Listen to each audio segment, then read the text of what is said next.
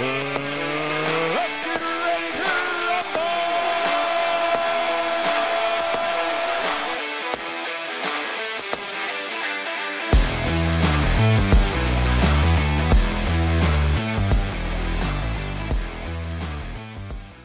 Cześć, witamy wszystkich serdecznie w 14 odcinku Rumble Pod, w którym wymieniamy się opiniami i dyskutujemy na tematy biznesowe, ekonomiczne, polityczne, społeczne i wiele, wiele innych.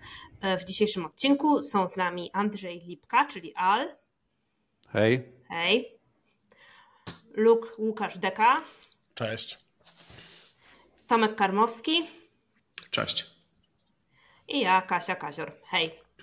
E, dzisiaj chcielibyśmy porozmawiać o kilku e, aktualnych tematach, między innymi tym, co się dzieje w telewizji polskiej, e, również o inwestycji planowanej Adobe w Figma, która jednak nie wydarzy się, a także o wejściu do Polski nowego akceleratora Plug and Play i o możliwości zastosowania AI w mm, polityce i zastosowania go poprzez rząd polski.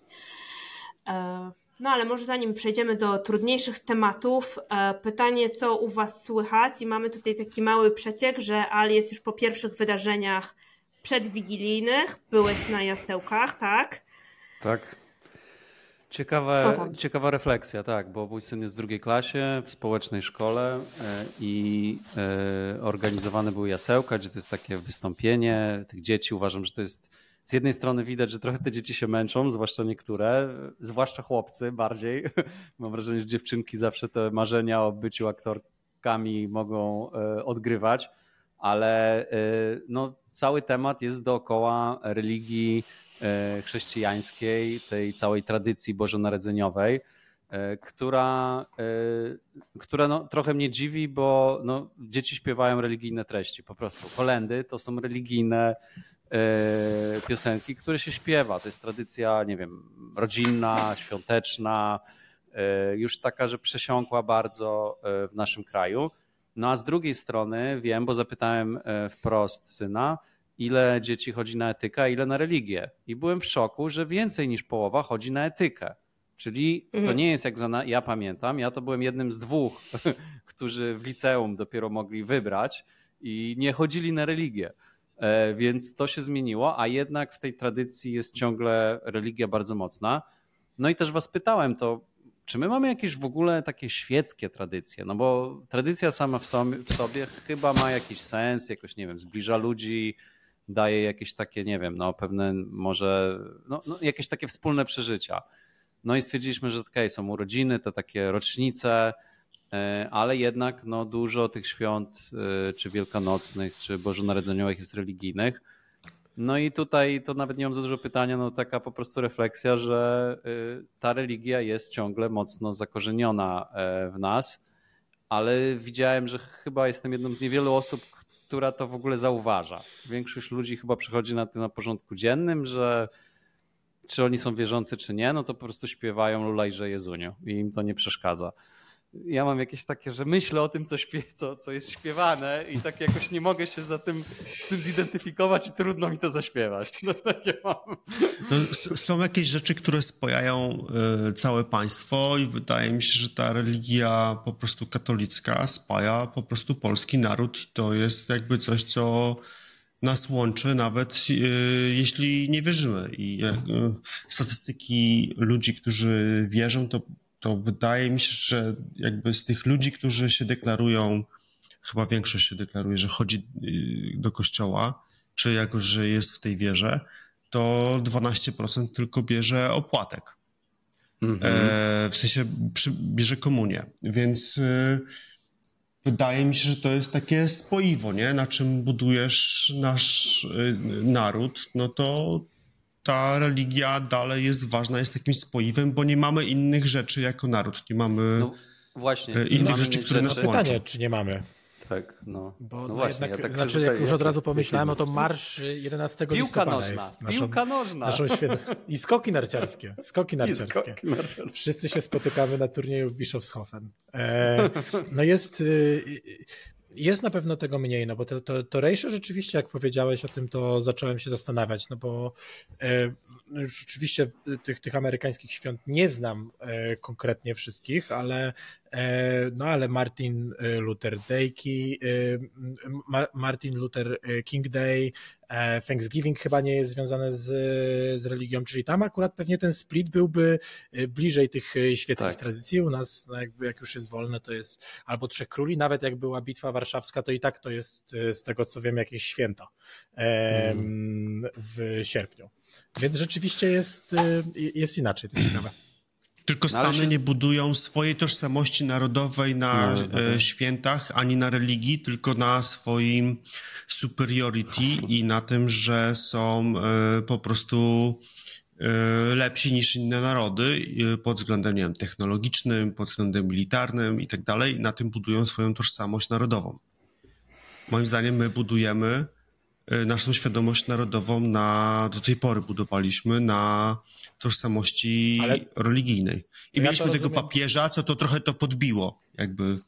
To ja rozumiem, ja rozumiem to trochę tak, że właśnie pytanie, czy no, to było ok 50 lat temu, e, pewnie 20 lat temu, ale czy to jest ok teraz? No bo rzeczywiście to, co powiedział Al, no to ta zmiana też jest y, pewnie dziwna, y, też jestem zaszokowany, natomiast na pewno no mówimy o dużym ośrodku miejskim, mówimy o Warszawie, tak? Więc y, inaczej to wygląda, ale widać trend. I teraz pytanie, czy właśnie powinniśmy budować swoją tożsamość narodową na tym, czy na przykład na zjednoczeniu dzielnicowym tam z XIV wieku, tak? Mhm. E, I wybrać sobie jakąś datę wtedy.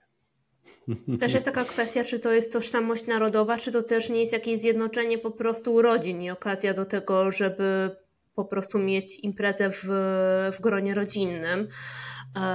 I pewnie trzeba byłoby poznać trochę statystyk, czy po prostu rodziny, które są rodzinami świeckimi, nie wyznają już religii katolickiej, mimo wszystko spotykają się i stosują przynajmniej część tych um, tradycji po to, żeby mieć po prostu miły pretekst, żeby się spotkać, bo to też może być w jakiś sposób użyteczne um, dla, dla polskich rodzin.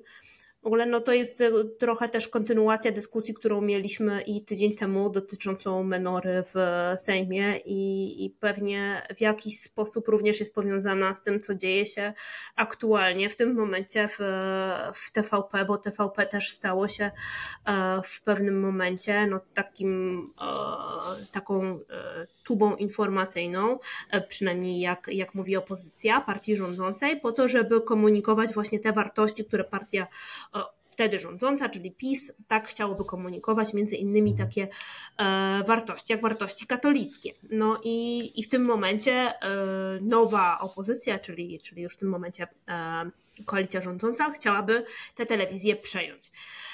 No i pytanie, jak to w ogóle zrobić? Jak odkręcić 8 lat różnych zmian? Czy to się da odkręcić? Jak to by mogło e, wyglądać? Które z tych, nie wiem, potencjalnych wartości, które były promowane przez telewizję polską wcześniej, powinny być dalej promowane, które nie?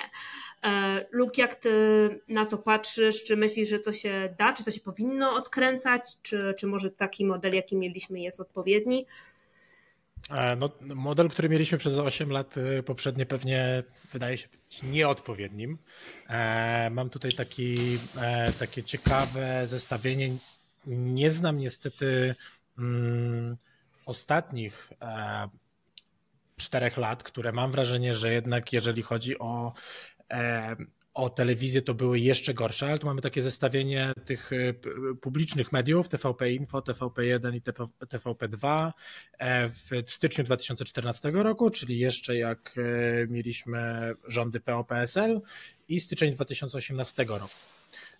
I co ciekawe, widzimy no, oczywiście nierówny równy podział między wszystkimi partiami, natomiast w 2014 roku w TVP2 nawet widzimy, że e, Prawo i Sprawiedliwość ma większy czas antenowy e, niż rządząca wtedy Platforma Obywatelska. E, więc wydaje się, jakby to był dużo bliżej takiego sprawiedliwego podziału. Po czym patrzymy na 2018 rok, w którym to już są procenty rzędu 66% na TVP Info, które no co do zasady mogłoby rzeczywiście być taką bezstronną e, i, i rzetelnym źródłem informacji. 77% TVP1 i 79% TVP2 dla PiSu. E, więc na pewno telewizja zmieniła się przez ostatnie, e, przez ostatnie lata. I teraz pojawia się pytanie w ogóle sensu istnienia telewizji publicznej albo właśnie roli e, telewizji publicznej.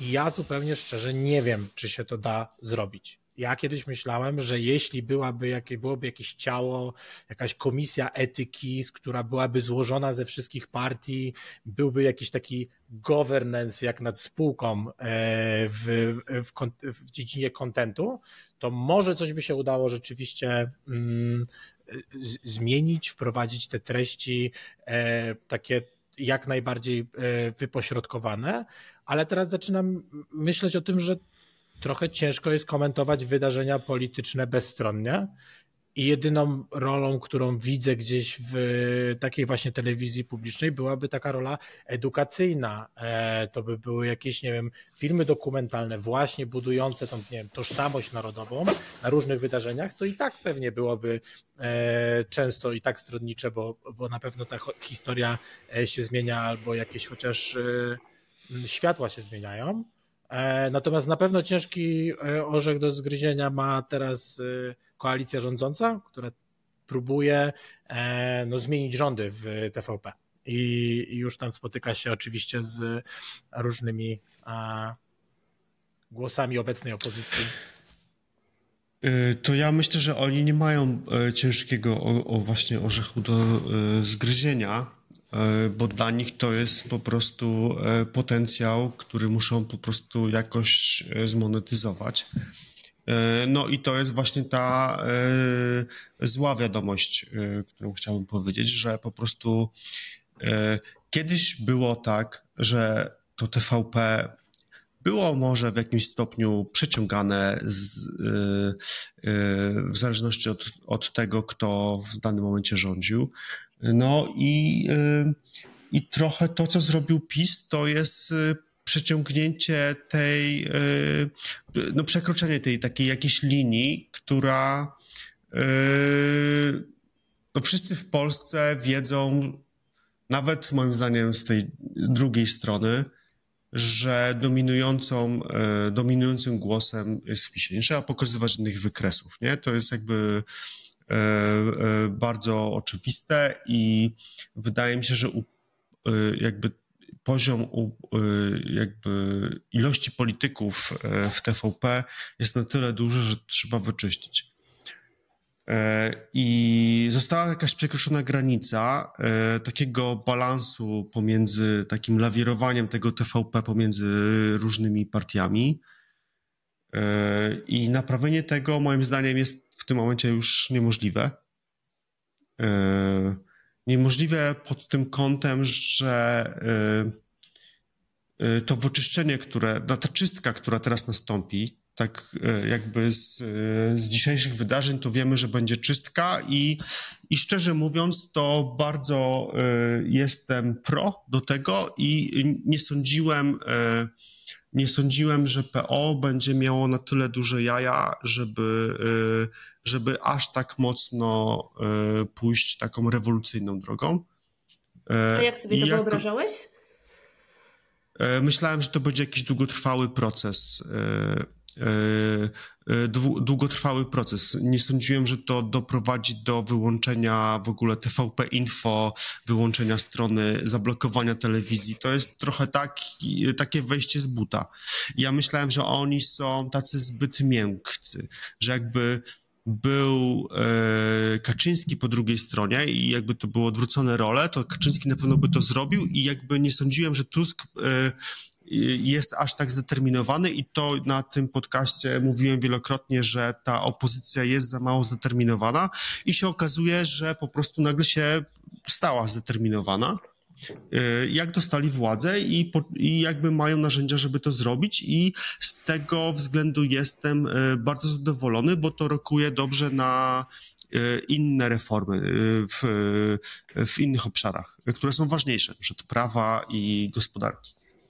A co e, sądzicie, bo teraz, e, teraz e, koalicja wejdzie do TVP I co się wydarzy dalej? Czy będziemy mieć po prostu TVN, które już w tym momencie no, widać ewidentnie, że, że mocno wspiera retorykę koalicji? I co? I będziemy mieć e, telewizję polską, która będzie robiła to samo, czyli po prostu przejmą e, zasady działania poprzedniej władzy, tylko po prostu na swoją korzyść? Czy może, no bo to jest też bardzo trudne, tak? Przychodzę i po prostu dostaję pełen arsenał, ja mogę po prostu mówić, co chcę, na, e, tak, żeby to było korzystne dla mnie, no i tak naprawdę po prostu schodzę z tego, tak? Oddaję część po prostu arsenału i mówię nie, ja teraz pozwolę równie, równie dużo mówić innym partiom. No i jest to dosyć też trudne, tak? Jest na pewno duża zachęta do tego, żeby utrzymać e, tę możliwość totalnej kontroli tego, co, co w mediach będzie, e, będzie mówione. Więc jak to będzie wyglądało, jak to powinno wyglądać? Ale ty masz na ten temat e, jak, jakąś wizję. Ja, e... Tak.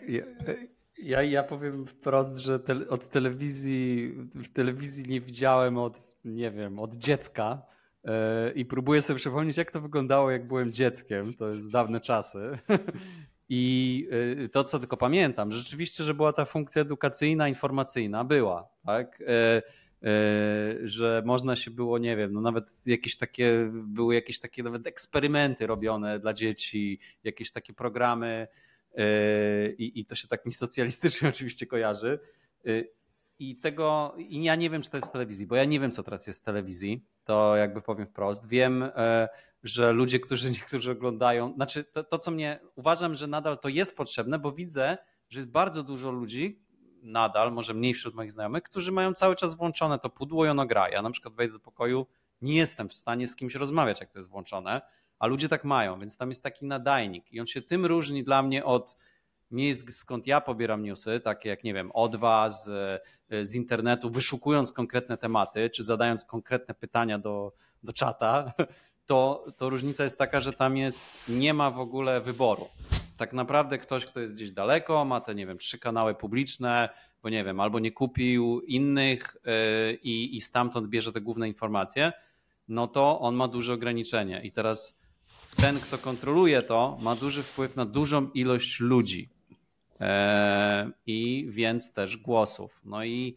to, to spaczenie tutaj, co, co, co pokazałeś, Luke, jedyne co ja mogę powiedzieć, to ten wykres z 2014 nie wyglądał tak, że koalicja, czy tam wtedy PO miało 75%. To, to napawa mnie nadzieją, że będzie w miarę to bardziej zbalansowane, ale też bym chciał, żeby to się trochę odsunęło od takich politycznych tematów, tego po prostu, co jest tylko tu i teraz, tylko tego, co jest ważne, nie wiem, globalnie, co są takie naprawdę ważne sprawy, może bardziej też ponadczasowe. Na to bym miał no nadzieję, no bo może ci ludzie właśnie na wsi, którzy mają te trzy, ten, dowiedzą się czegoś więcej o świecie dookoła i będą mogli sami podejmować decyzje już wyborów na bazie swoich szarych komórek, a nie tego, co tylko mu tam papka zostanie włożona. No, no właśnie ja to tak y, trochę ten, y, to wyzwanie y, określam jako Decyzja, czy y, to, co się teraz wydarzyło z TVP, to jest taka nowa normalność i teraz my powinniśmy, my, koalicja, musimy teraz użyć tego, no bo wtedy będziemy mieli wszystkie e, hmm. możliwe tuby e, telewizyjno-medialne, żeby zdobywać te głosy i to na pewno nam zagwarantuje, e, nie wiem, zwycięstwo w następnych wyborach czy właśnie wręcz to nie zagwarantuje zwycięstwa w następnych wyborach, bo E, elektorat koalicji, która miałaby być opozycją, tą taką demokratyczną, nagle się okaże nie różnić niczym od PiSu. E, a znowu zostawić to trochę w takim, e, jakby no nie czyścić tego w żaden sposób. Dlatego myślę sobie, że może właśnie ta droga zmiany zupełnie takiej programowej, odejście od takiej publicystyki czy rozmowy o polityce tu i teraz, y, żeby tym przekazem było bardzo ciężko manipulować w kierunku edukacyjnym, takim stricte informacyjnym, miałoby mm, no, jakby to byłby dość ciekawy kierunek, a ja na przykład nie jestem pewny, jak zachowa się teraz ta opozycja. E, ja i e, mi się wydaje, że na świecie są e, różne modele tworzenia telewizji państwowej i no i są jakieś takie formy Mm, niezależnych instytucji, które są non-profit, i jako fundacji i to chodzi mi o to, że po prostu ten przewrót, który się teraz dokonuje, najbardziej prawdopodobny scenariusz, jaki bym oczekiwał w tym momencie, to jest taki, że to, co mieliśmy zapisu, to będzie mm, to, co to się teraz wydarzy, to będzie wersja light tego, ale no to będzie jakiś taki wersja light TVN-u. No i pytanie, czy, czy tego chcemy? Wydaje mi się, że tego właśnie nie chcemy. Yy, chcielibyśmy powrotu do takiej telewizji z lat 90., gdzie było z początku lat 90., gdzie było polskie zoo i każdy polityk był obsmarowany w polskim zoo, e, bez względu na partię polityczną i bardzo sympatycznie i to było, jak mały wtedy i to nawet do teraz pamiętam, że to była taka rozrywka i pamiętam, że to było na początku właśnie po nowym roku było chyba taki, tam to polskie za to chyba jakiś taki e, duży program. Natomiast wydaje mi się, że jakby że to idzie w złą stronę na razie w tym momencie, że to, y, że to po prostu musi być jakaś trzecia droga i jakby przejście przejście jakby do takiego systemu, że teraz obstawimy swoimi ludźmi z TVN-u, a, a tacy zaczynają się tam pojawiać, no to to jest jakby przegięcie w, z kolei w drugą stronę. I to, co zrobił, właśnie się powiedzieć, to, co zrobił PiS, to jest przegięcie E, systemu w taką stronę, że naprawianie go wystawia ten system na różne obstrzały i poddanie pod wątpliwość, czy ten system ma sens. I to jest dokładnie analogia do tego, co moim zdaniem za chwilę zobaczymy w systemie naprawy e, e, sądownictwa i będzie dokładnie ten sam problem. Hmm. No też zobaczmy, dajmy, dajmy szansę, bo mm, możliwe, że będzie to jednak powrót do takiej telewizji państwowej, która na przykład, tak jak Luke powiedział, będzie się zajmowała głównie tym, żeby poruszać tematy edukacyjne. I tego TVP tak naprawdę, żeby oddać honor, robiło dosyć sporo. Ja osobiście miałam okazję poznać osobę, która odpowiadała za produkcję e, tych e, edukacyjnych programów, między innymi na przykład serialu Korona Królów która miała na celu po prostu promowanie polskości, promowanie polskiej historii, zupełnie nacechowana politycznie. Ja rozmawiałam z, z tą osobą i to nie był w ogóle człowiek związany w żaden sposób politycznie, po prostu interesował się historią i robił dobre produkcje. I mam nadzieję, że tego typu osoby pozostaną albo no, w jaki sposób będą, będą dalej mogły funkcjonować. Oprócz takich kulturalnych, edukacyjnych e, tematów, myślę, że takie tematy międzynarodowe, o jakich ty powiedziałeś, Al, co się dzieje w ogóle na świecie, o tym bardzo mało się mówi u nas w polskich mediach, to też jest jakaś duża, ciekawa e, przestrzeń. Może więcej programów e, dla młodzieży i dajmy też szansę koalicji, być może, że w taki sposób to pokieruje. Mm, bo też wcześniej mieliśmy do wyboru, mogliśmy sobie włączyć TVP, posłuchać trochę co mówi PiS, potem włączyć TVN, posłuchać co mówi Platforma i wyciągnąć sobie z tego średnią. No to teraz już nie będzie takiej, takiej możliwości. Ale e, taki podobny system, też chciałam jeszcze powiedzieć, działa w Stanach Zjednoczonych, gdzie jest Fox News, które jest telewizją dużo mocniej republikańską, jest zdaje się CNN, tak, takie bardziej demokratyczne i właściwie kto chce sobie słucha jednej albo drugiej telewizji, a jak ktoś ma potrzebę szukania niezależnych newsów, to idzie na X, czyli dawny Twitter i wyszukuje osób, którym ufa, jakby mieli te różnego rodzaju e, tweety i wyszukuje osób, które są zaufane jakoś długoterminowo faktycznie dostarczają e, dobrych newsów co wymaga bardzo dużo wysiłku tak naprawdę, nie, nie oszukujmy się. Więc być może, że to też jest jakaś droga, że po prostu wszyscy będziemy musieli wejść na Twittera i tam sobie szukać po prostu kogoś, komu ufamy, bo, bo nie będzie takiej opcji. Albo Macie na Albikle. myśli. Słucham? Albo na Albikle. Ten taki, co został Facebook chyba stworzony przez naszych e, prawicowców. E, to jest, to jest bardzo ciekawe, tylko że właśnie mm, Wydaje się, że e, tam bardzo dużo pieniędzy płynie jednak do tego TVP. E, to są 2 miliardy chyba e, rocznie z budżetu i to o to trochę chodzi, że moglibyśmy wysłać ludzi do internetu. Tak? Jest kilka fajnych inicjatyw. Ja na przykład ostatnio opowiadałem o tej tak jakby problemie wygłaszanego expose i, i tego, jak to się zgadza z faktami. Jest taka strona Demagog, która też ma swoje konto na Twitterze, która na bieżąco sprawdza i weryfikuje te stwierdzenia, mhm. czy to są rzeczywiście fakty, czy, czy nie, więc i w Stanach też dużo więcej było takich, takich narzędzi, które pozwalają każdego newsa tak jakby obejrzeć czy to jest taki news bardziej y, centryczny, czy bardziej po lewej stronie, po prawej?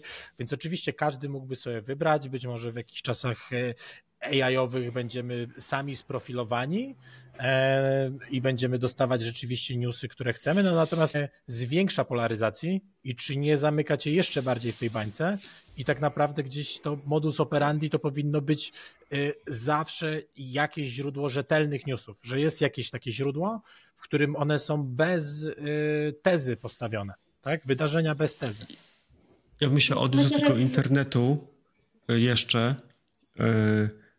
W demokracji jest tak, że każdy po 18 roku życia ma do śmierci prawo wyborcze i jednak jest tak, że znacząca część ludzi, która głosuje, to są ludzie, którzy są starsi i są starsi od nas tutaj yy, yy, właśnie na tym podcaście. I, i, I, ten świat, jakby, nie wiem, Twittera, czy X, czy jakby sprawdzania, weryfikowania na Demagogu, czy na, czy na, czy na czacie GPT, czy te informacje, to jest yy, dla nich świat obcy. Oni tego nie zrobią. Natomiast oni pójdą do urn wyborczych i zagłosują tak samo jak my. Więc, yy, yy, więc jakby internet jeszcze na tym etapie, może za 30 lat, to będzie jedyne źródło i nie będziemy mieli problemu yy, telewizji, bo tych telewizji po prostu już będzie relik przeszłości. Nie? E, natomiast teraz jeszcze mamy ten pro problem i to jest trochę nasz problem, bo ci ludzie będą głosować tak, jak ci e, redaktorzy im tam powiedzą. Nie? E, no myślę, że tutaj w podcaście przez najbliższe tygodnie i miesiące będziemy weryfikować, e, w jakim to idzie kierunku. Być może powstaną takie statystyki, jak Ty, Luke, e, przedstawiłeś i będziemy w stanie po prostu spojrzeć na to, czy, czy faktycznie proporcjonalnie ten, ten share of voice, dostęp do, do głosu jest dystrybuowany pomiędzy partie, więc na pewno temu się przyjrzymy. A teraz proponuję pójść do kolejnego tematu, bo dosyć dużo też, też się wydarzyło. No bardzo ciekawa informacja. Po 15 miesiącach rozmów i negocjacji planowany deal przejęcia Figmy przez Adobe jednak nie dojdzie do skutku i tutaj prośba Al, czy możesz powiedzieć trochę więcej i no sam e, miałeś możliwość tak. sprzedania swojej spółki, więc na tak. pewno tak. dobrze rozumiesz sytuację, rozumiesz sytuację potencjalnych sprzedających, więc prośba, żebyś nas wprowadził. Tak. No to Adobe, czyli y, no bardzo znany producent, firma software'owa, y, Photoshop, y, Rush, Adobe Premiere, czyli generalnie edycja grafiki, wideo, no, ogłosiła, tak jak mówisz, 15 miesięcy temu, to chyba było we wrześniu zeszłego roku, że kupuje, czyli kupuje firmę Figma, która jest bardziej znana z takiego design i prototyping w, w takiej kolaboracji, czyli we współpracy ludzi. E, no wiadomo, Figma to bardziej taki startup, czyli to, to, ten software był typowo sosowy, taki lekki, ja go tam używałem, uważam, że fajny. No, Adobe wydaje się taki bardziej osiadły y, już, no bo du duży jest na rynku, tak trochę cięższy jest ten software, no i wiadomo, Adobe chciał zrobić po to, żeby w ten rynek się współpracy i tego designu, prototypingu się poszerzyć. No i co się wydarzyło? No to jest news, nie wiem, sprzed jednego czy dwóch dni, że y, no w końcu po rozmowach z regulatorami i to głównie w Europie i UK y, zrezygnowały obie firmy co to znaczy? No to znaczy, że prawdopodobnie regulatorzy w ogóle no blokowali ich po prostu. Nie, nie chcieli przyjąć argumentów, że to nie jest jakiś tam kontr konsumenta. Tu niby regulatorzy mają bronić praw konsumenta. E, natomiast no cały ten deal też się wydarzył w takim momencie rynku, że to e, no tam za wiele nie, był, nie działo się na tym rynku merger i acquisition. To było 50 razy ten roczny e, recurring revenue, czyli dość wysoki multiple. No i liczę, można było liczyć, to jest duży deal, 20 miliardów dolarów, więc rusza się ten rynek. No i wiadomo, że jak takie coś jest ogłoszone, no to po pierwsze mówimy o 15 miesiącach. To jest tak dużo czasu, że no jakby, a wiadomo, że jedyny powód no to jest stempel regulatorów, że tak, możemy z tym przejść. Więc czekanie przez 15 miesięcy to jest jakiś w ogóle absurd, to jest stopowanie biznesu dla obu firm, bo to, co się wydarzyło, to Adobe e, ma taki produkt XD chyba, czy X, czy jakoś tak, to XD, może tak. dopowiesz. Tak, mhm. XD w ogóle. To... Świetna nazwa. Ale tylko w Polsce jeszcze używamy XD. Nigdzie tak, już na świecie tak, się nie używa, więc nie, no mogli dobra, tak nazwać spokojnie. Produkt. Mogli nazwać, ale, ale chodzi o to, że po prostu to był taki trochę, znaczy to był konkurent poniekąd Figmy i zastopowali na pewno pracę nad nim w tym czasie. Równocześnie no, Figma jako firma przejmowana, do tego się przygotowywała, pewnie też nie inwestowała w R&D no my jak sprzedawaliśmy firmę, no to u nas to była inna sytuacja, bo to jakby było w dużej mierze trzymane w tajemnicy zupełnej, bardzo mało osób o tym wiedziało i to było też trudne i, i, i dla mnie, no dla, dla tej firmy sprzedającej, no to to jest jakaś tragedia, no bo przez 15 miesięcy de facto firma miała zupełnie inną strategię, bo miała się łączyć z Adobe i być częścią Adobe, a teraz nagle nie, jednak będziemy samodzielni, to będzie nasza konkurencja no, suma summarum, e, trochę tak to postrzegam, że regulator, regulatorzy w Europie no, po prostu zatrzymali ten deal. Amerykanie pewnie by tego nie zrobili, no tu trochę znowu te kulturowe różnice.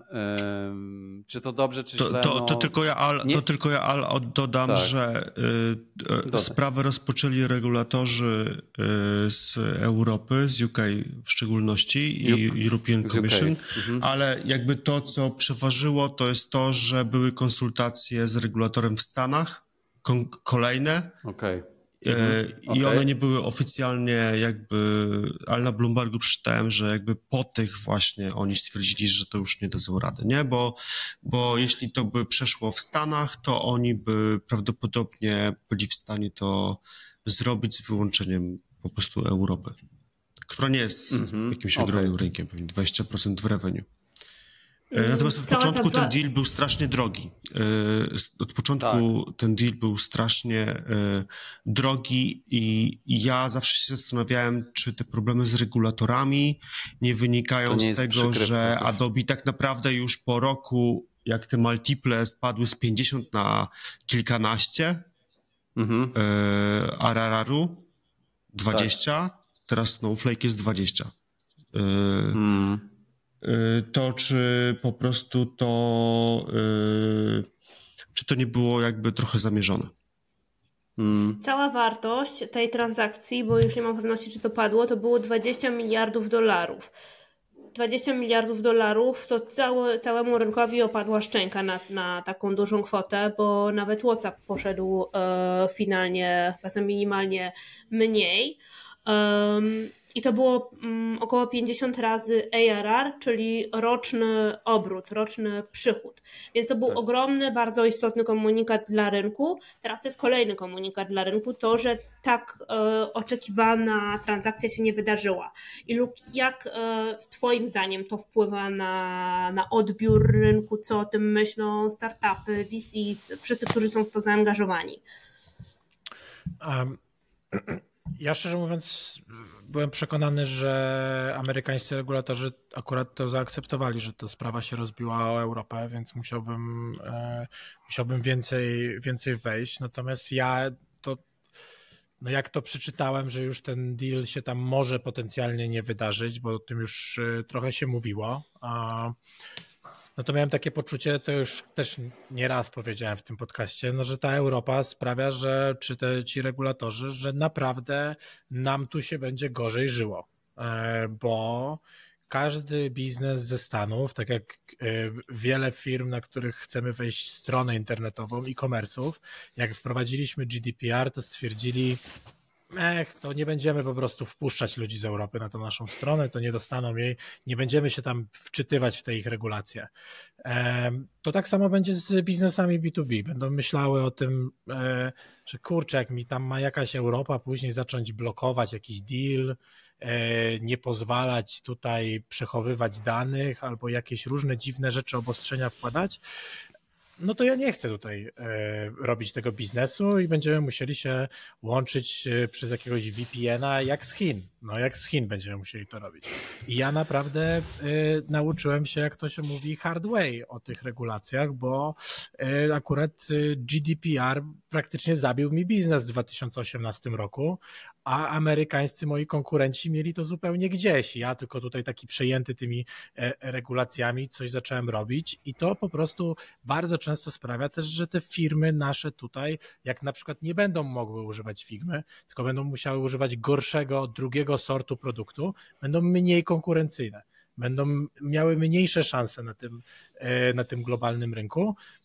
No i jakby to mnie rusza personalnie. A tak może pół żartem, pół serio, e, to e, bardzo, bardzo fajną rzecz przeczytałem, że to jest najlepsza runda, jaką zrobiła Figma, bo dostała tak naprawdę za miliard. to zerwanie tych negocjacji 1 miliard dolarów od Adobe za zero equity, więc tak naprawdę y, możliwe, że zrobili dobry deal. Bardzo ciekawe to, co powiedziałeś, ale może Adobe to się opłacało, żeby zatrzymać ich R&D na półtora roku prawie, żeby za, za miliard y, dolarów. Może to się opłacało. Może oni wcale nie prowadzili um, jakiś, nie zatrzymali nie. tego XD, tylko naprawdę gdzieś e, to była jakaś dziw, dziwna zagrywka. Czasem, jak wiemy, bardziej opłaca się zapłacić karę niż, e, niż pozwolić na przykład konkurentowi sobie teoretycznie podgryzać piętę. Hmm. Figma twierdzi, że prowadziła dalej research i, i prowadziła business as usual. Hmm Oczywiście jest to na poziomie komunikacji, bo wiadomo, że jeśli gdzieś tam z tyłu głowy ma się to, że niedługo już się e, sprzedamy, e, to na pewno te działania wyglądają equity. zupełnie inaczej. Tak, a pytanie jeszcze do... mają jakiś equity comp, no to tym bardziej, tak, tak. No tak, więc na pewno też bardzo trudno. na to czekają, także myślę, że to dla nich też jest duże, duże rozczarowanie. A pytanie do Ciebie, Tomek, jeśli masz jakiś inny komentarz, to jak najbardziej e, też, ale powiedziałeś, e, że potencjalnie Figma i Adobe mogły po prostu zrezygnować z rynku e, europejskiego, z rynku Wielkiej Brytanii, ale czy na pewno? Czy, bo nie widzieliśmy tego podejścia tak naprawdę w wypadku żadnej firmy i wszystkie Facebooki i Google dostosowują się do tych regulacji. Czy myślisz, że to naprawdę jest e, rozsądne i możliwe? Komentarz podejście? inwestorów, tak, dzięki. E, komentarz inwestorów e, był taki, cytuję, no Figma, no problem. Z tego, co przeczytałem bo rzeczywiście to był problem, szczególnie, że w międzyczasie to ten deal był ponad rok temu od tego czasu e, to, co się wydarzyło e, w świecie techowym, to jest AI. I Fig, jakby Adobe dużo zainwestowało, rozwinęło główny swój produkt, który jest całkiem dobry i który będzie w stanie w który będą w stanie zmonetyzować. E, ponad rok temu, przypomnijmy sobie, sobie co się działo, nie? Mieliśmy e, bezcen na rynkach, e, ceny akcji spadały, ich produkt, jeszcze nie było jakby całego hypu co do czata GPT, no to taki CEO pewnie musiał generalnie trochę, że tak powiem, dać coś tym inwestorom, żeby lepiej patrzyli na cenę na, na Adobe jako, jako in, potencjalną inwestycję. I wtedy jakby ta Figma może mu się wydawała, że jest atrakcyjnym aktywem. To, co się wydarzyło w ciągu tego roku, to jest to, że, e, e, że Adobe zainwestowało dużo w AI, e, że mają produkt, który ma potencjał skalowania i monetyzacji, i prawdopodobnie już tak bardzo tej Figmy może nie potrzebują. E, hasło no Figma, no problem to jest to, co inwestorzy mówią. I to, co mówią, to jest to, że uwolniło się 6 miliardów dolarów e, gotowych do dalszych inwestycji w AI i inwestorzy są z tego zadowoleni. A druga część to jest na share buybacks, które zawsze inwestorzy y, lubią. Drugi aspekt y, tej sytuacji, y, to to jest akurat z punktu widzenia inwestorów Adobe, to jest pozytywna w ogóle development sprawy. Tak mi się wydaje i wydaje mi się, że jeśli jest development pozytywny i wszyscy są zadowoleni, to nie sądzę, żeby zarządowi tak strasznie zależało, żeby tą e, Figmę strasznie kupować e, w tym momencie. A czy robili jakieś działania z regulatorami, żeby to zablokować, to nie. Natomiast Czyżby... jeśli chodzi z drugiej strony. Czyżby tak był taki win-win, win-win, czyli wiesz, regulatorzy są bohaterami, bo zatrzymali wielką transakcję. Adobe inwestorzy zadowoleni, a Figma dostaje miliard dolarów, tak? Wszyscy, everybody No nie, ale, ale, ale z drugiej strony jaki to, wysył, jaki to jest sygnał dla Do... rynku startupowego? Właśnie, właśnie, no tak. Bo jeśli się okazuje, że regulatorzy y, wszystkie takie scalable inwestycje blokują y, poprzez big tech, to oznacza, że jedyną, e, jedynym exit dla takiego vc który inwestuje na early stage, czy na rundzie A, czy na B, jest tylko IPO. I jaki mamy teraz rynek IPO? Jest hmm. nieżywy. Multiple są bardzo niskie. To oznacza, że po prostu ten e, rynek e, powinien się zreprice'ować. W sensie, że te inwestycje, to co tam kiedyś było, nie wiem, runda A, nie, runda, sorry, seedowa na 10 milionów dolarów w Stanach, no to teraz jest kurde chyba 5, nie? No bo jeśli się rynek IPO przepołowił i żaden Facebook, Microsoft, Adobe nie jest w stanie tego kupić e, później na rynku takim M&A-owym, bo to jest zablokowane przez regulatora i zostaje tylko rynek publiczny, no to wiemy, jakie są multiple. Hmm. Tak. Multiple, czyli rynek... mnożniki wyceny. E, tak, mnożniki mhm. wyceny, tak? Więc jakby ten rynek się trochę blokuje. O, jakby odcinamy dużą nogę do y, tego ekosystemu wisikowego i prawdopodobnie to jest negatywny y, sygnał dla rozwoju technologii ogólnie globalnie. No i Plus ostatnie to, co Al powiedział. Tak. Y, mów, mów, tak. Sorry, y, to ostatnie, co ty powiedziałeś, podałeś, Luke, przykład Chin, tak? I gdyby to, zauważ tą różnicę między Chinami a Europą, ja przynajmniej taką widzę, że Chiny owszem, tam niektórych rzeczy amerykańskich nie można, nie wolno, nie da się, ale oni mają jakieś swoje niezłe WeChaty, super apy, a mam wrażenie, że w Europie jak porównuję, nie wiem, tools, nawet jak kupowaliśmy jakieś SASy w, w naszej firmie, no to po prostu to z reguły była przepaść. Tam mało które narzędzia europejskie były sensowne. Mam wrażenie, że Chiny trochę tak reagują, ok, no nie możemy użyć tego, to budujemy własne i zrobimy po prostu lepiej. I gdyby tak to było, to być może byłby to chociaż dobry taki po prostu fuel, paliwo, żeby, żeby innowacje robić e, u nas. A jeśli to będzie na zasadzie. Ale Stany i Chiny mają tak. ambicje, żeby być największą gospodarką na świecie i o to konkurują, a Europa od dawna już nie ma takich ambicji nawet. My chcemy to, żyć dobrze. To też. E, to też prawda, natomiast też staramy się dosyć dużo tutaj w Europie zmienić i jednym z takich wydarzeń jest wydarzenie z tego tygodnia. W poniedziałek największy akcelerator na świecie, który nazywa się Plug and Play, największy pod kątem liczby startupów, które rocznie e, przechodzą przez ten e, akcelerator, to jest blisko 3000. Numerem dwa jest znany pewnie wszystkim Y Combinator, natomiast Plug and Play, który między innymi współpracuje ze Stanford Research Institute, ale też z dużą liczbą mm, innych instytucji ten właśnie akcelerator Plug and Play ogłosił, że e, będzie wchodził w mm, porozumienie, w kooperację z polską instytucją Queen Hedwig Academy. E, cały kształt i to, w jaki sposób to będzie funkcjonowało, nie są jeszcze oczywiste, czyli czy to będzie tak, że mm, akcelerator otworzy tutaj swoją siedzibę, czy może polskie startupy będą wysyłane tam, czy otworzy możliwość inwestowania polskim inwestorom w startupy, które są inkubowane gdzieś tam w ekosystemie plug and play e, w Stanach. Tego jeszcze nie wiemy, ale jest to bardzo istotna informacja, która może otworzyć przed nami jakieś drzwi, a może się okazać, że nie jesteśmy w stanie z tego skorzystać. I chciałabym też z Wami chwilę pogadać o tym, w jaki sposób możemy wykorzystać taką sytuację.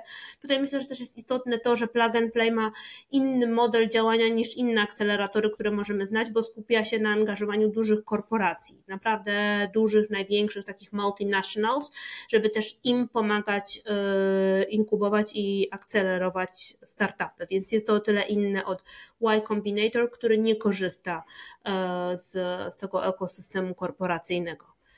No i teraz pytanie, jak właściwie mogłoby to wyglądać? Jak my, jako Polska, albo w szerszym kontekście Europa, możemy z tego skorzystać? Czy my w ogóle możemy zbudować ten pomost? Czy rzeczywistość jest taka, że i tak prawdziwe unicorny, prawdziwe startupy będą inkubowane w Silicon Valley, być może po trochu w Izraelu i w Berlinie, ale na pewno nie w Polsce? I może pierwszego zapytałabym Ciebie, Luke, bo Ty masz doświadczenie personalne, osobiste z jednego z największych właśnie akceleratorów 500 Startups. Eee, jaka jest Twoja wizja tego? Ja my, no, generalnie myślę, że to jest e, świetny kierunek, żeby tutaj w tej Polsce mm, i to świetny kierunek i dla nas, to jest klasyczny win-win i dla tego akceleratora.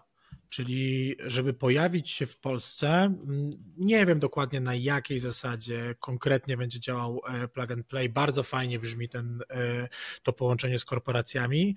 Natomiast e, rozmawialiśmy na którymś z naszych odcinków o tym, że w Polsce mamy świetnych, wybitnych inżynierów, a brakuje nam tego biznesowego podejścia. I wydaje mi się, że my, no są jakieś przykłady unicornów, ale jeszcze czekamy na polskiego Skype'a. Tak, ja już jakby już czekałem, jak myśliśmy do 500 Startups w 2015, to już czekaliśmy na tego polskiego Skype'a, czy tam polskiego PayPala, z którego wyjdzie ta mafia e, ludzi, którzy tam rzeczywiście brali czynny udział w tym, że ten biznes rósł i nagle będą zakładać kolejne, e, kolejne biznesy. Więc e, albo coś przegapiłem, albo, albo jeszcze nie mamy.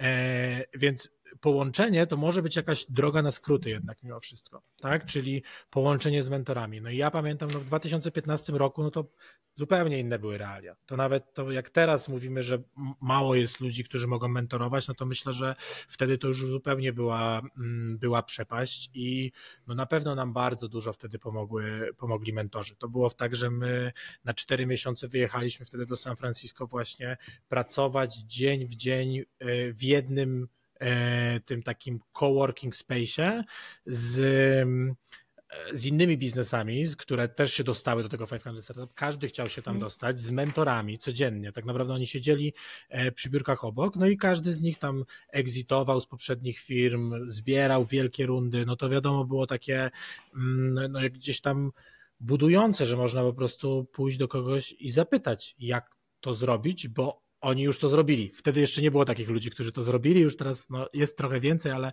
ale wciąż to nie jest, e, e, nie jest ten poziom, więc ten akcelerator na pewno działał e, bardzo fajnie, plus to, co powiedziałeś, że Y Combinator nie do końca działa w oparciu o te korporacje, nie, ale przez to, jaki mają network, to pierwsi klienci to bardzo często są inne sasy. Kiedyś tutaj się śmialiśmy, jak przyszliście do mnie do biura i mówiliście o tym, że te sasy to powstały po to, żeby obsługiwać inne sasy. I to trochę tak działa, czyli powstały jakieś e, e, firmy, które widziały, o te firmy mają takie problemy, no to zaczniemy to robić. I akurat w tym ekosystemie e, dostęp do nich był bardzo łatwy bo tak naprawdę my się między sobą wymienialiśmy narzędziami i każdy używał każdego narzędzia, e, czy tam dając feedback, czy rzeczywiście no, zdobywając tego takiego pierwszego realnego e, klienta, plus coś, czego nam tutaj w Polsce na pewno brakuje, taka wiara w siebie, ale też jakaś taka pieczątka wiarygodności. Nie wiem, czy plug and play to daje. Wtedy kiedyś Y Combinator i to 500 Startups to dawało, przynajmniej tutaj na tym rynku e, Europy Środkowo-Wschodniej, bo było jednak bardziej ekskluzywne mimo wszystko. My mieliśmy 35 firm w baczu, teraz słyszałem, że Y Combinator przyjmuje 1000. E, więc tak, tak samo no plug and play jest też gigantyczny, jeszcze większy niż, e, niż, e, niż Y Combinator. Nie wiem, czy to jest ta pieczątka wiarygodności, ale na pewno boost w wiarę w siebie a na początku naprawdę to jest potrzebne, żeby umieć uwierzyć w to, że to, co robimy, to naprawdę może być wielkie, gigantyczne. I po tym krótkim czasie akceleracji wy tak naprawdę posunęliście bardzo mocno swój produkt do przodu.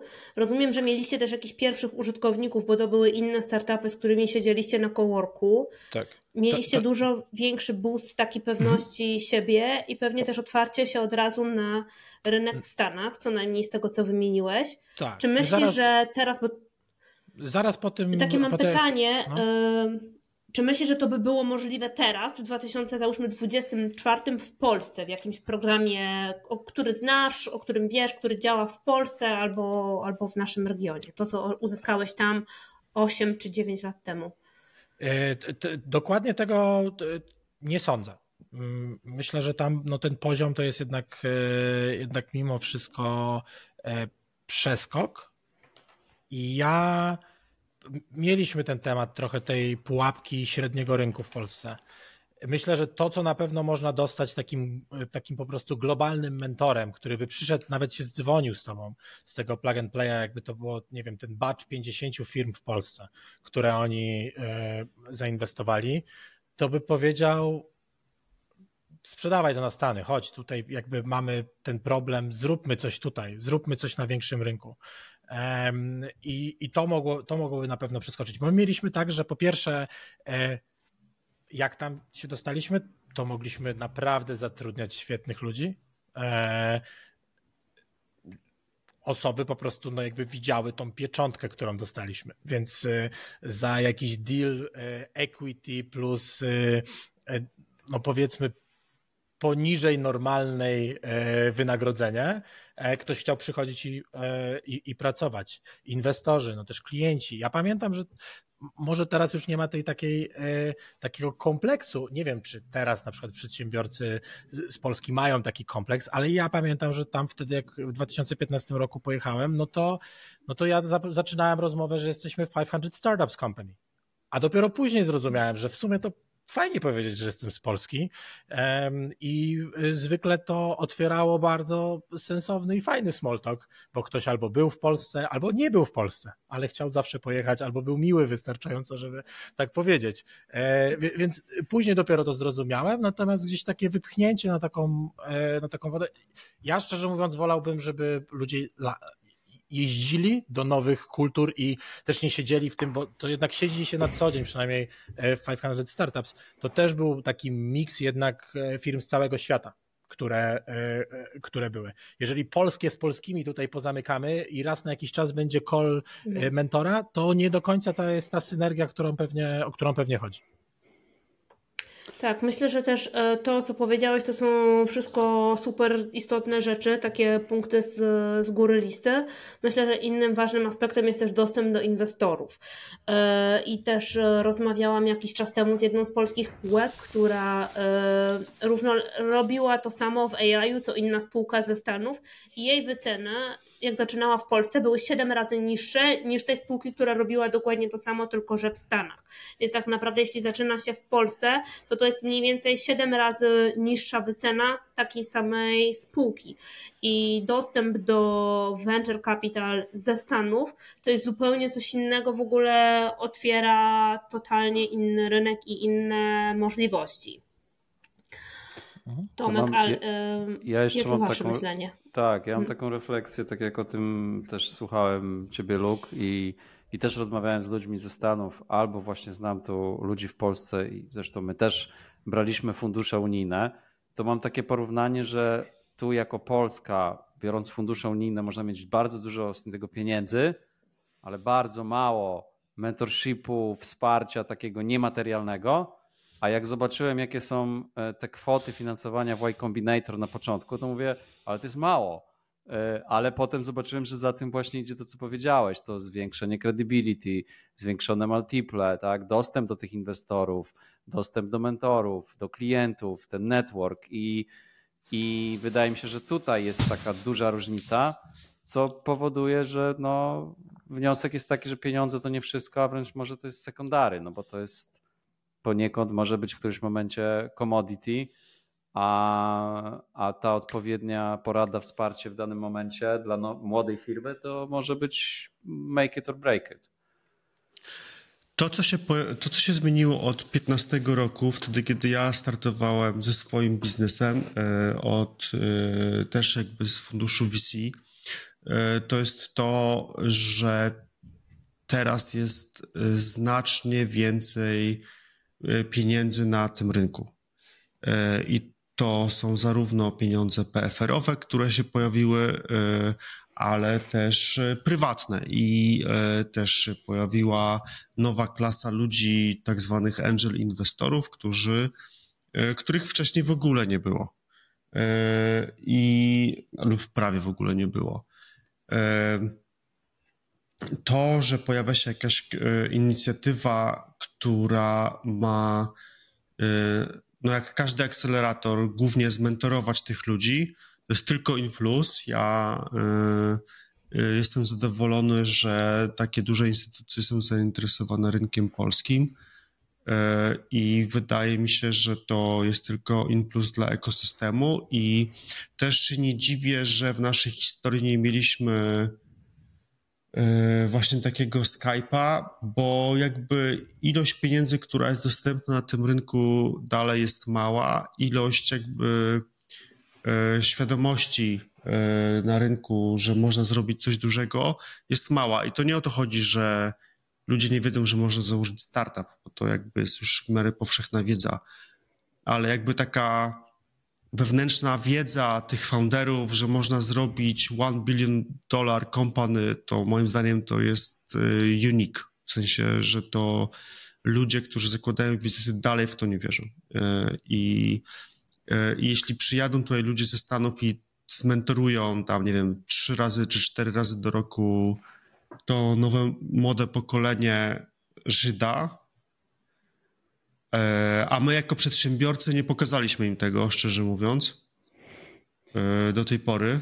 E, I to mówię jakby o nas, ale tak jakby ogólnie, no w sensie nie ma za dużo sukcesów, nie? Więc dlaczego ci młodzi ludzie po studiach mają wierzyć, że się da z Polski zrobić? Nie daliśmy Pytanie, im przykładów. Czy... Pytanie, więc jak przyjadą tutaj ci ludzie, właśnie... jak przyjadą tutaj ludzie im powiedzą, że się da jednak, no. Właśnie zastanawiam się, czy, czy chcieć, żeby przyjechali tamci ludzie tutaj, czy nie wysyłać zespołów e, jednak do Stanów, tak żeby po prostu zobaczyli, jak ten ekosystem wygląda tam na miejscu i potencjalnie mieli swój zespół tutaj na miejscu w Polsce, bo, bo znam na przykład, jest między innymi e, jedna z osób z Harvard Club of Poland, Ania Barnacka, która prowadzi e, na Harvardzie czy na MIT, ale w Bostonie w każdym razie swój startup ale zatrudnia większość zespołów w Polsce przez to, że jest Polką. Być może, że to jest model, który my jesteśmy w stanie wykorzystać. Czyli mieć zespół, powiedzmy, handlowy częściowo w Stanach, zespół, e, który pozyskuje finansowanie w Stanach, ale dużą część zespołu tutaj na miejscu w Polsce, gdzie mamy naprawdę zdolnych ludzi, bo być może, że to jest. Ale to tak już Kasia próbowaliśmy. To już Luke próbował. Nie, to jest, Dokładnie jakby, to drogą. jest znany model, ale pytanie, czy to też jest jakby, czy to o to chodzi? Nie, to już e, jakby Booksy, to jest model Booksy, to jest model wszystkich startupów, że po prostu e, jakby zatrudnić sprzedawców w Stanach, mieć operacje główne w Polsce i to się nigdy nie wydarzyło. Yy, zależy? W sensie, no, zależy co oznaczać sukces. No, jakby czy Booksy jest sukcesem? No jest globalnym graczem, który oczywiście podbija ten rynek amerykański. Nie? Pierwszym takim przykładem był Base CRM. Oni, co prawda, wydaje mi się, że to acquisition nie było jakieś, e, to, nie było świetne e, przejęcie, natomiast Zendesk ich e, przejął i to też była Krakowie, a, mm, a cały ten taki commercial, można by było to tak nazwać, czyli sprzedaż marketing w Stanach założona, tak. E, to tylko dopowiem, jest spółka Malwarebytes założona przez e, Polaka i jest w Tampie i też mało kto o tym wie, bo po prostu od razu jakby wystartowali tam, więc nie są kojarzeni z Polską, ale jednak CEO dalej jest e, Polak. Rocznik chyba 8-6 zresztą, więc młoda no. osoba. Ja, ja uważam, tak, ja no po prostu uważam, że na pewno lepiej jest pojechać gdzieś i uważam, że mnie też jakieś tam wyjazdy, czy właśnie w Stanach, czy w Danii, robienie tego biznesu też w innych krajach bardzo poszerza horyzont i poszerza możliwości myślenia o tym, co jest możliwe. E, I to nawet jak e, Luka słucha i na niego patrzy, no to chyba to, że tam spędził trochę tego czasu, to jest jedną z bardziej amerykańskich osób, jakie znam, ze swoim Ale podejściem, Andrzej, ty mindsetem. też mieszkałeś w Stanach. Co Ale jest? ja, tak, tak, wiem, wiem. No i może tak, także uważam, że tak jest lepiej, tak? Natomiast to jest chyba trochę taki miks, no. Na pewno fajne by było, żeby albo ci founderzy tu wracali, albo mieli jakieś korzenie, czy na przykład, nie wiem, jeden jest w Stanach, a drugi jest w Polsce żeby to nie było tak, że to hyp, hyp, hyp i za chwilę to już jest amerykańskie, już tu połknięte, już przejęte, nara, OpenAI, wszyscy scientyści już z Polski już tam, tak? No. No tak jak Tomek powiedziałeś, że nie, nie wypalił do tej pory ten model, że zarządzający są w Stanach, zespół jest tutaj, ale żaden inny model też póki co nie wypalił, więc myślę, że musimy i tak dalej próbować różnych tych modeli. A jedna rzecz, która wydaje mi się, że jest dosyć istotna, o której może rzadko się mówi, e, jest taka, że i w Stanach, ale też i w Izraelu, który jest nazywany takim startup land, e, bardzo duży jest udział państwowych organizacji militarnych. Na przykład DARPA w Stanach zleca dosyć dużo takich zamówień, researchu i finansuje dosyć dużo researchu, między innymi na Stanfordzie, ale nie tylko. I podobnie wygląda to w Izraelu, gdzie no, tam służba w ogóle wojskowa jest obowiązkowa, ale ta współpraca pomiędzy e, właśnie wojskiem, uczelniami i e, rządem jest bardzo silna i tak naprawdę to są też tacy stymulatorzy innowacji, bo bardzo dużo jej potrzebują i mają też, też dosyć dużo finansowania. Myślę, że podobnym... różne. Jeszcze, mhm. Tylko tak jakby w, w, tym akurat kontekście militarnym, bo, e, bo miałem akurat okazję gdzieś tam być na takim keynocie takiego pana, który był po Mossadzie, który założył swój jakiś cyber security e, biznes, też zbierał gigantyczne rundy. I jakoś miałem tam wtedy taką refleksję, że może to jest trochę tak, że no, że jednak tam te, te militarne projekty czy programy to są na tak wysokim poziomie, że jak stamtąd wychodzisz, to masz wiedzę, którą możesz rzeczywiście włożyć w ten, e, e, w ten biznes, e, ten cyber security, no bo coś tak zaawansowanego się widziało w tym Mossadzie, a w Polsce to podobno jednak beton jest militaria. Ja bym powiedział, ja mam doświadczenia małe z polskim sektorem obronnym, tak go nazwę, ale też z NATO. I muszę powiedzieć, że e, w NATO jest trochę inaczej. W sensie ja tam widziałem e, różne rzeczy takie i słysz, lub słyszałem od nich jak działają i wydaje mi się, że tam jest trochę takiej wiedzy. Myślę, że wyzwanie jest to samo, co ma cała Unia i Europa, że no niby jesteśmy wspólni, ale tak nie do końca, nie tak bardzo jak Stany. E, bo, bo nie wiem czemu akurat tak to nie działa, tak? Bo wydaje mi się, że w tym NATO i, i, i to, jak tam pewne rzeczy są robione właśnie z obszaru technologii e, informatycznych, tak nawet, to, to, to są zaawansowane rzeczy. Pewnie kwestie militarne akurat w naszym wypadku nie są top jeden wyborem, ale myślę, że na przykład już e, medycyna, e, a przynajmniej jakieś sektory medycyny, to jest coś, gdzie naprawdę moglibyśmy, na co moglibyśmy w jakimś stopniu postawić. I też ty, Tomek, e, zgłosiłeś ciekawy, ciekawy temat wykorzystania AI przez rządy.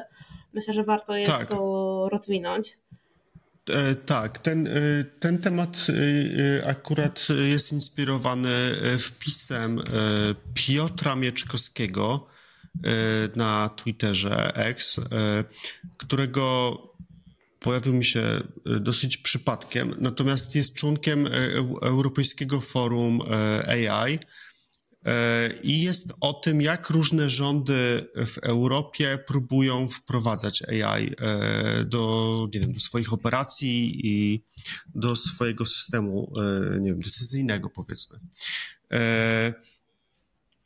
I jak dłużej o tym pomyślałem, to o ile w biznesie te use case dla AI łatwo nam sobie wyobrazić, ale ciężko sobie wyobrazić, jak one się w krótkim terminie przełożą na dużą wartość taką dodaną dla społeczeństwa, to o tyle, e, jeśli chodzi z, z punktu widzenia rządu, e, no to tutaj widzę ogromną wartość e, dodaną do społeczeństwa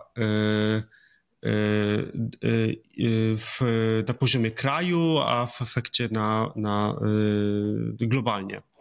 E, I e, no, tak koncepcyjnie to ma dużo sensu, bo to państwo to jest taka machina, gdzie jest dużo powielanych procesów takich e, codziennie i no i to jest idealny use case dla AI. No i jak sobie pomyślimy, ile stanowią w GDP wydatki rządowe, no to w Polsce to jest 44% GDP to są wydatki rządowe. W Niemczech to jest 51%, w Stanach trochę mniej, 25%.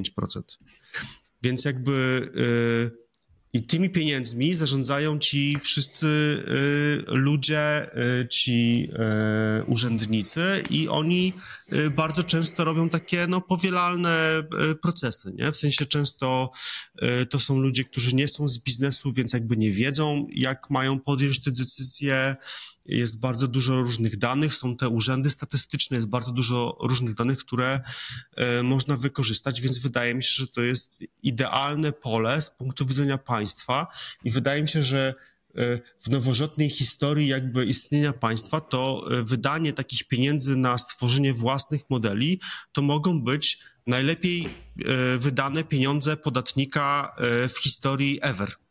E, I taki, taki e, był mój wniosek, inspirowany właśnie tym e, tweetem. No i okazuje się, że to nie jest odosobniona ta moja opinia i pana tutaj właśnie Piotra Mieczkowskiego, bo okazuje się, że Szwedzi zbudowali swój swój model i się nazywa GPT SV3 E, I e, ten model e, właśnie ma służyć do wyręczania urzędników w uzupełnianiu różnych dokumentów i podejmowania takich prostych decyzji urzędniczych, ale to jest ich model taki pro proprietary, e, więc wewnętrzny. I no, z punktu widzenia państwa to głównie im zależy o to, żeby, e, żeby używać jakichś modeli, ale bazować tam lokalnie u siebie e, na swoich danych i żeby to nie było nigdzie wykorzystywane. I też Niemcy zrobili swój projekt OpenGPTX. I no, to jest taka platforma, która pomaga urzędnikom tworzyć teksty, podsumowywać pisma, wnioski. E, I no, w Chinach jeszcze jest e, tak zwane WDAO, które jest podobno większe niż te modele ze Stanów i konkurują. E, no one są akurat przez rząd chiński wykorzystywane może niekoniecznie tylko do tego, żeby urzędnicy mogli lepiej e, e, wypełniać pisma, ale pewnie do wielu, do zarządzania społeczeństwem prawdopodobnie. Żeby wszystko było lepiej. Tak, i po prostu zastanawiam się, gdzie jest nasz kraj w tym wszystkim i dlaczego nasze pieniądze po prostu nie są alokowane. I tak jeszcze tylko powiem, że te budżety Szwecja wydała na to, kurde, 3 czy 4 miliony euro. Niemcy wydali na to 15 milionów euro. To to jest jakby przy wydatkach e, w skali kraju to są minimalne koszty, a oni już na tej podstawie mogą coś robić. I naprawdę to mi się wydaje, że to nie jest problem pieniędzy w skali kraju, tylko problem kompetencji i ludzi, którzy się tym po prostu zajmą. To ci powiem jeszcze, dodam, e, bo e, wydaje mi się, że już przegłosowane e, podwyżki dla tak zwanej budżetówki. Nowy rząd obiecał chyba od przyszłego roku 30%. Problem jest taki, że jeżeli nagle okaże się, że urząd skarbowy to te wszystkie tam firmy, które do audytu to mogłyby tam jeden urzędnik zamiast 15 siedzieć, to nagle metryka, która jest tam wyciągana na piedestał, czyli to nasze bezrobocie, e, no to by było roof. E, więc oni nie wiedzą, co by zrobili z konsekwencjami tych zmian że co by się wydarzyło, że to jest jakby właśnie mam wrażenie, że ta właśnie biurokracja i tutaj aż się boję, bo w ostatnim odcinku y, było trochę o tym, że się cieszymy, że Konfederacja patrzy wszyscy, wszystkim na ręce, ale to trochę jakby państwo zbudowało tą swoją taką warstwę tych procedur, tych y, procesów, które są i tych skomplikowanych przepisów praw, po to trochę, żeby wszyscy tam mieli jakby co robić. I jak teraz byś to zabrał, to wszystko jak? To możemy zrobić tak, żeby tobie łatwiej by było zgłosić to pismo, czyli zrobimy ci w ministerstwie tam, nie wiem, e, cyfryzacji taką opcję, ale żeby to samo się rozwiązało po drugiej stronie, to ciężko. Też mm, myślę, że, e, że pewnie nie do końca to musi być problemem i można to zaadresować ten, tę obawę na przykład w ten sposób, że nie zaczynać jednak od administracji państwowej. Tam na przykład w Szwecji oni zaczęli bardziej od pracy pielęgniarek i lekarzy, żeby dać e, tym osobom, tym zawodom więcej tak zwanego hot time, czyli czasu z pacjentem zamiast czasu za biurkiem. Więc to jako taki pierwszy krok myślę, że byłoby o tyle dobre, że na brak y, pielęgniarek na pewno y, na nadmiar pielęgniarek nie narzekamy, więc tutaj zagrożenie tego, że, że nagle bezrobocie by nam wzrosło jest relatywnie niskie, a myślę, że przy jakimś takim y, dobrym zaalokowaniu tych modeli no nie wiem, na przykład Deloitte wypuścił w tym tygodniu taki e, raport, że, zastosowali AI do tego, żeby zwiększać ilość mie miejsc pracy, bo ten AI jest w stanie e, przeanalizować, jakie dany pracownik ma kompetencje i gdzie można byłoby go przesunąć, żeby powiedzmy był bardziej produktywny i żeby nie został zwolniony przez AI. Nie wiem, jak bardzo oczywiście w praktyce, ale że są też i, i tego typu kierunki. Ja myślę, że mamy dosyć dużo dziur i w wielu miejscach po prostu bardzo długo się czeka na różnego rodzaju um, procedury, więc myślę, że jeszcze przez jakiś czas to bezrobocie by nie groziło, chociaż oczywiście na pewno niepokój ze strony administracji jest. E, ostatnio czytałem o tym, jak zachowywało się państwo e, po wybuchu wojny na Ukrainie. E, i jak państwo musiało zorganizować wyjazdy, nie wiem, Dudy i Kaczyńskiego, e, tym, nie Dudy Kaczyńskiego, sorry, e, premiera, jak on się nazywa? Morawiecki. Morawieckiego, Morawieckiego i Kaczyńskiego, to ten Dworczyk zorganizował taką prywatną armię, zatrudnił prywatną firmę, która to organizowała i, e, e, I władze takie państwowe dowiedziały się tak last call, last minute, że oni tam jadą, i to wynikało z tego, że państwo w takich sytuacjach krytycznych jest strasznie wolne. E, ta machina jest strasznie wolna i, i jakby to jest tylko przykładem, że że to niedobrze działa, nie? I e, chodzi mi o to, że mm, niekoniecznie bym pomyślał, e, że wprowadzenie AI do procesów rządowych od razu by spowolniło, znaczy sprowadziło się do tego, że się zwolni ileś ludzi. Mi się wydaje, że to na początek to jest taki dobry cel, żeby to państwo zaczęło działać szybko. Przy takiej samej ilości ludzi. Bo na razie tak nie jest, nie? Na razie po prostu mamy kolejki do lekarzy, na razie mamy jakieś decyzje, które y, po prostu w trybunale, w trybunale jakimś tam się dzieją po prostu miesiącami. W sądach mamy kolejki. Tak, rejestracje w KRS-ie dzieją się strasznie długo. E, jak e, w sądach, to przecież to te sprawy sądowe trwają latami. I to jest y, jakby idealne poletko do tego, żeby te procesy wszystkie przyspieszyć i one moim zdaniem nie wymagają tego, żeby zwalniać kogoś. To czemu Może się to kiedyś. nie dzieje? Nie, bo jakby, to żeby, żeby to było jasne, oczywiście, że... Moj, ale nie, taki... moja teza była taka, że moja teza była taka, że tam nie ma ludzi, którzy o tym myślą i że mamy y, takich, wiesz, Niemców i Szwedów, którzy zawsze byli, powiedzmy, trochę do przodu, E, a, są jeszcze Grecy, ale Grecy robią e, z OpenAI i Microsoftem, nie? Tak, ale sorry, przerwałem ci.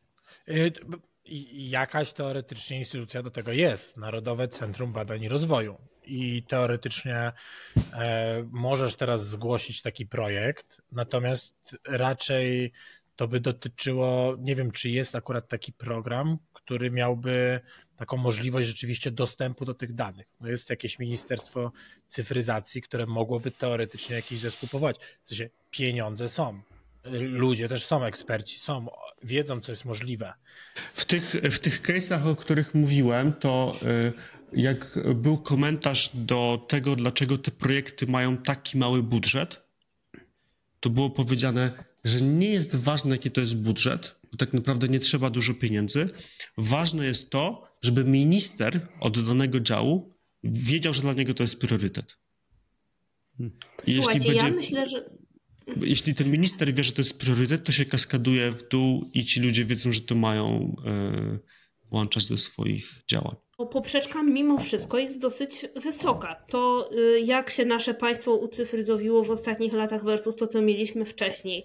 Profil zaufany, IKP, czyli internetowe konto pacjenta, gdzie właściwie wskakują e, skierowania na szczepienie, można się bardzo szybko udać na szczepienie. To, że e, mamy teleporady, ja na przykład dzisiaj miałam teleporadę, którą bardzo szybko udało mi się uzyskać.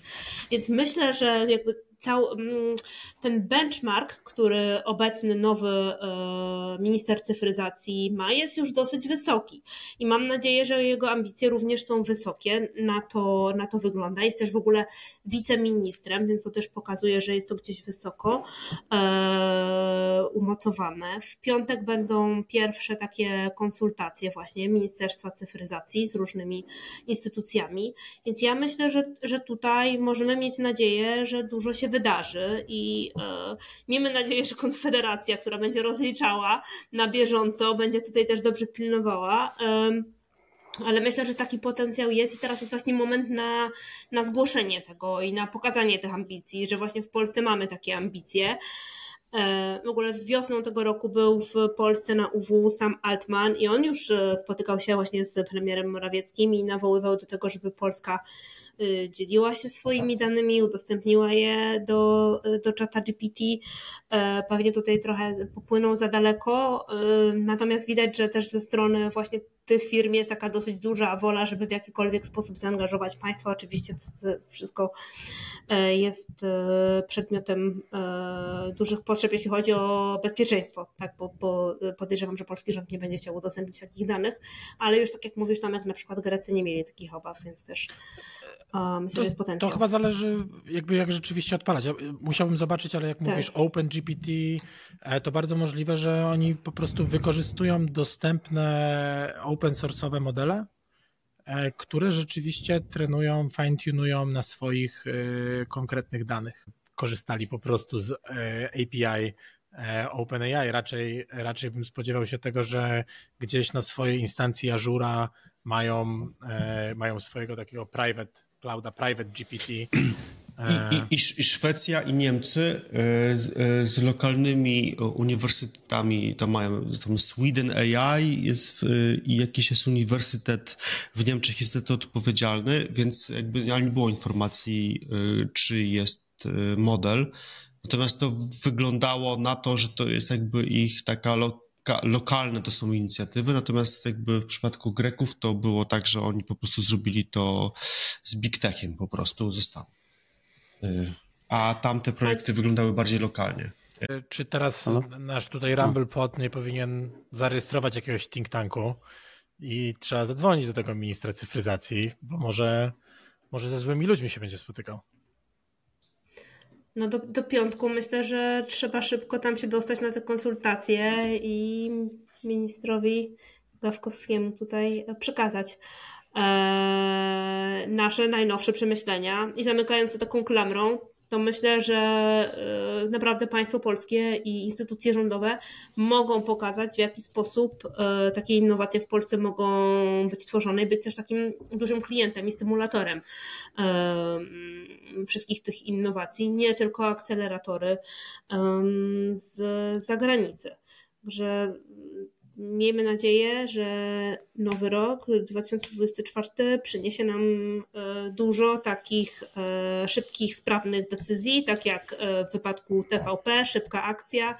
To miejmy nadzieję, że te inwestycje w AI i cyfryzacja też będą takimi szybkimi akcjami ku lepszemu.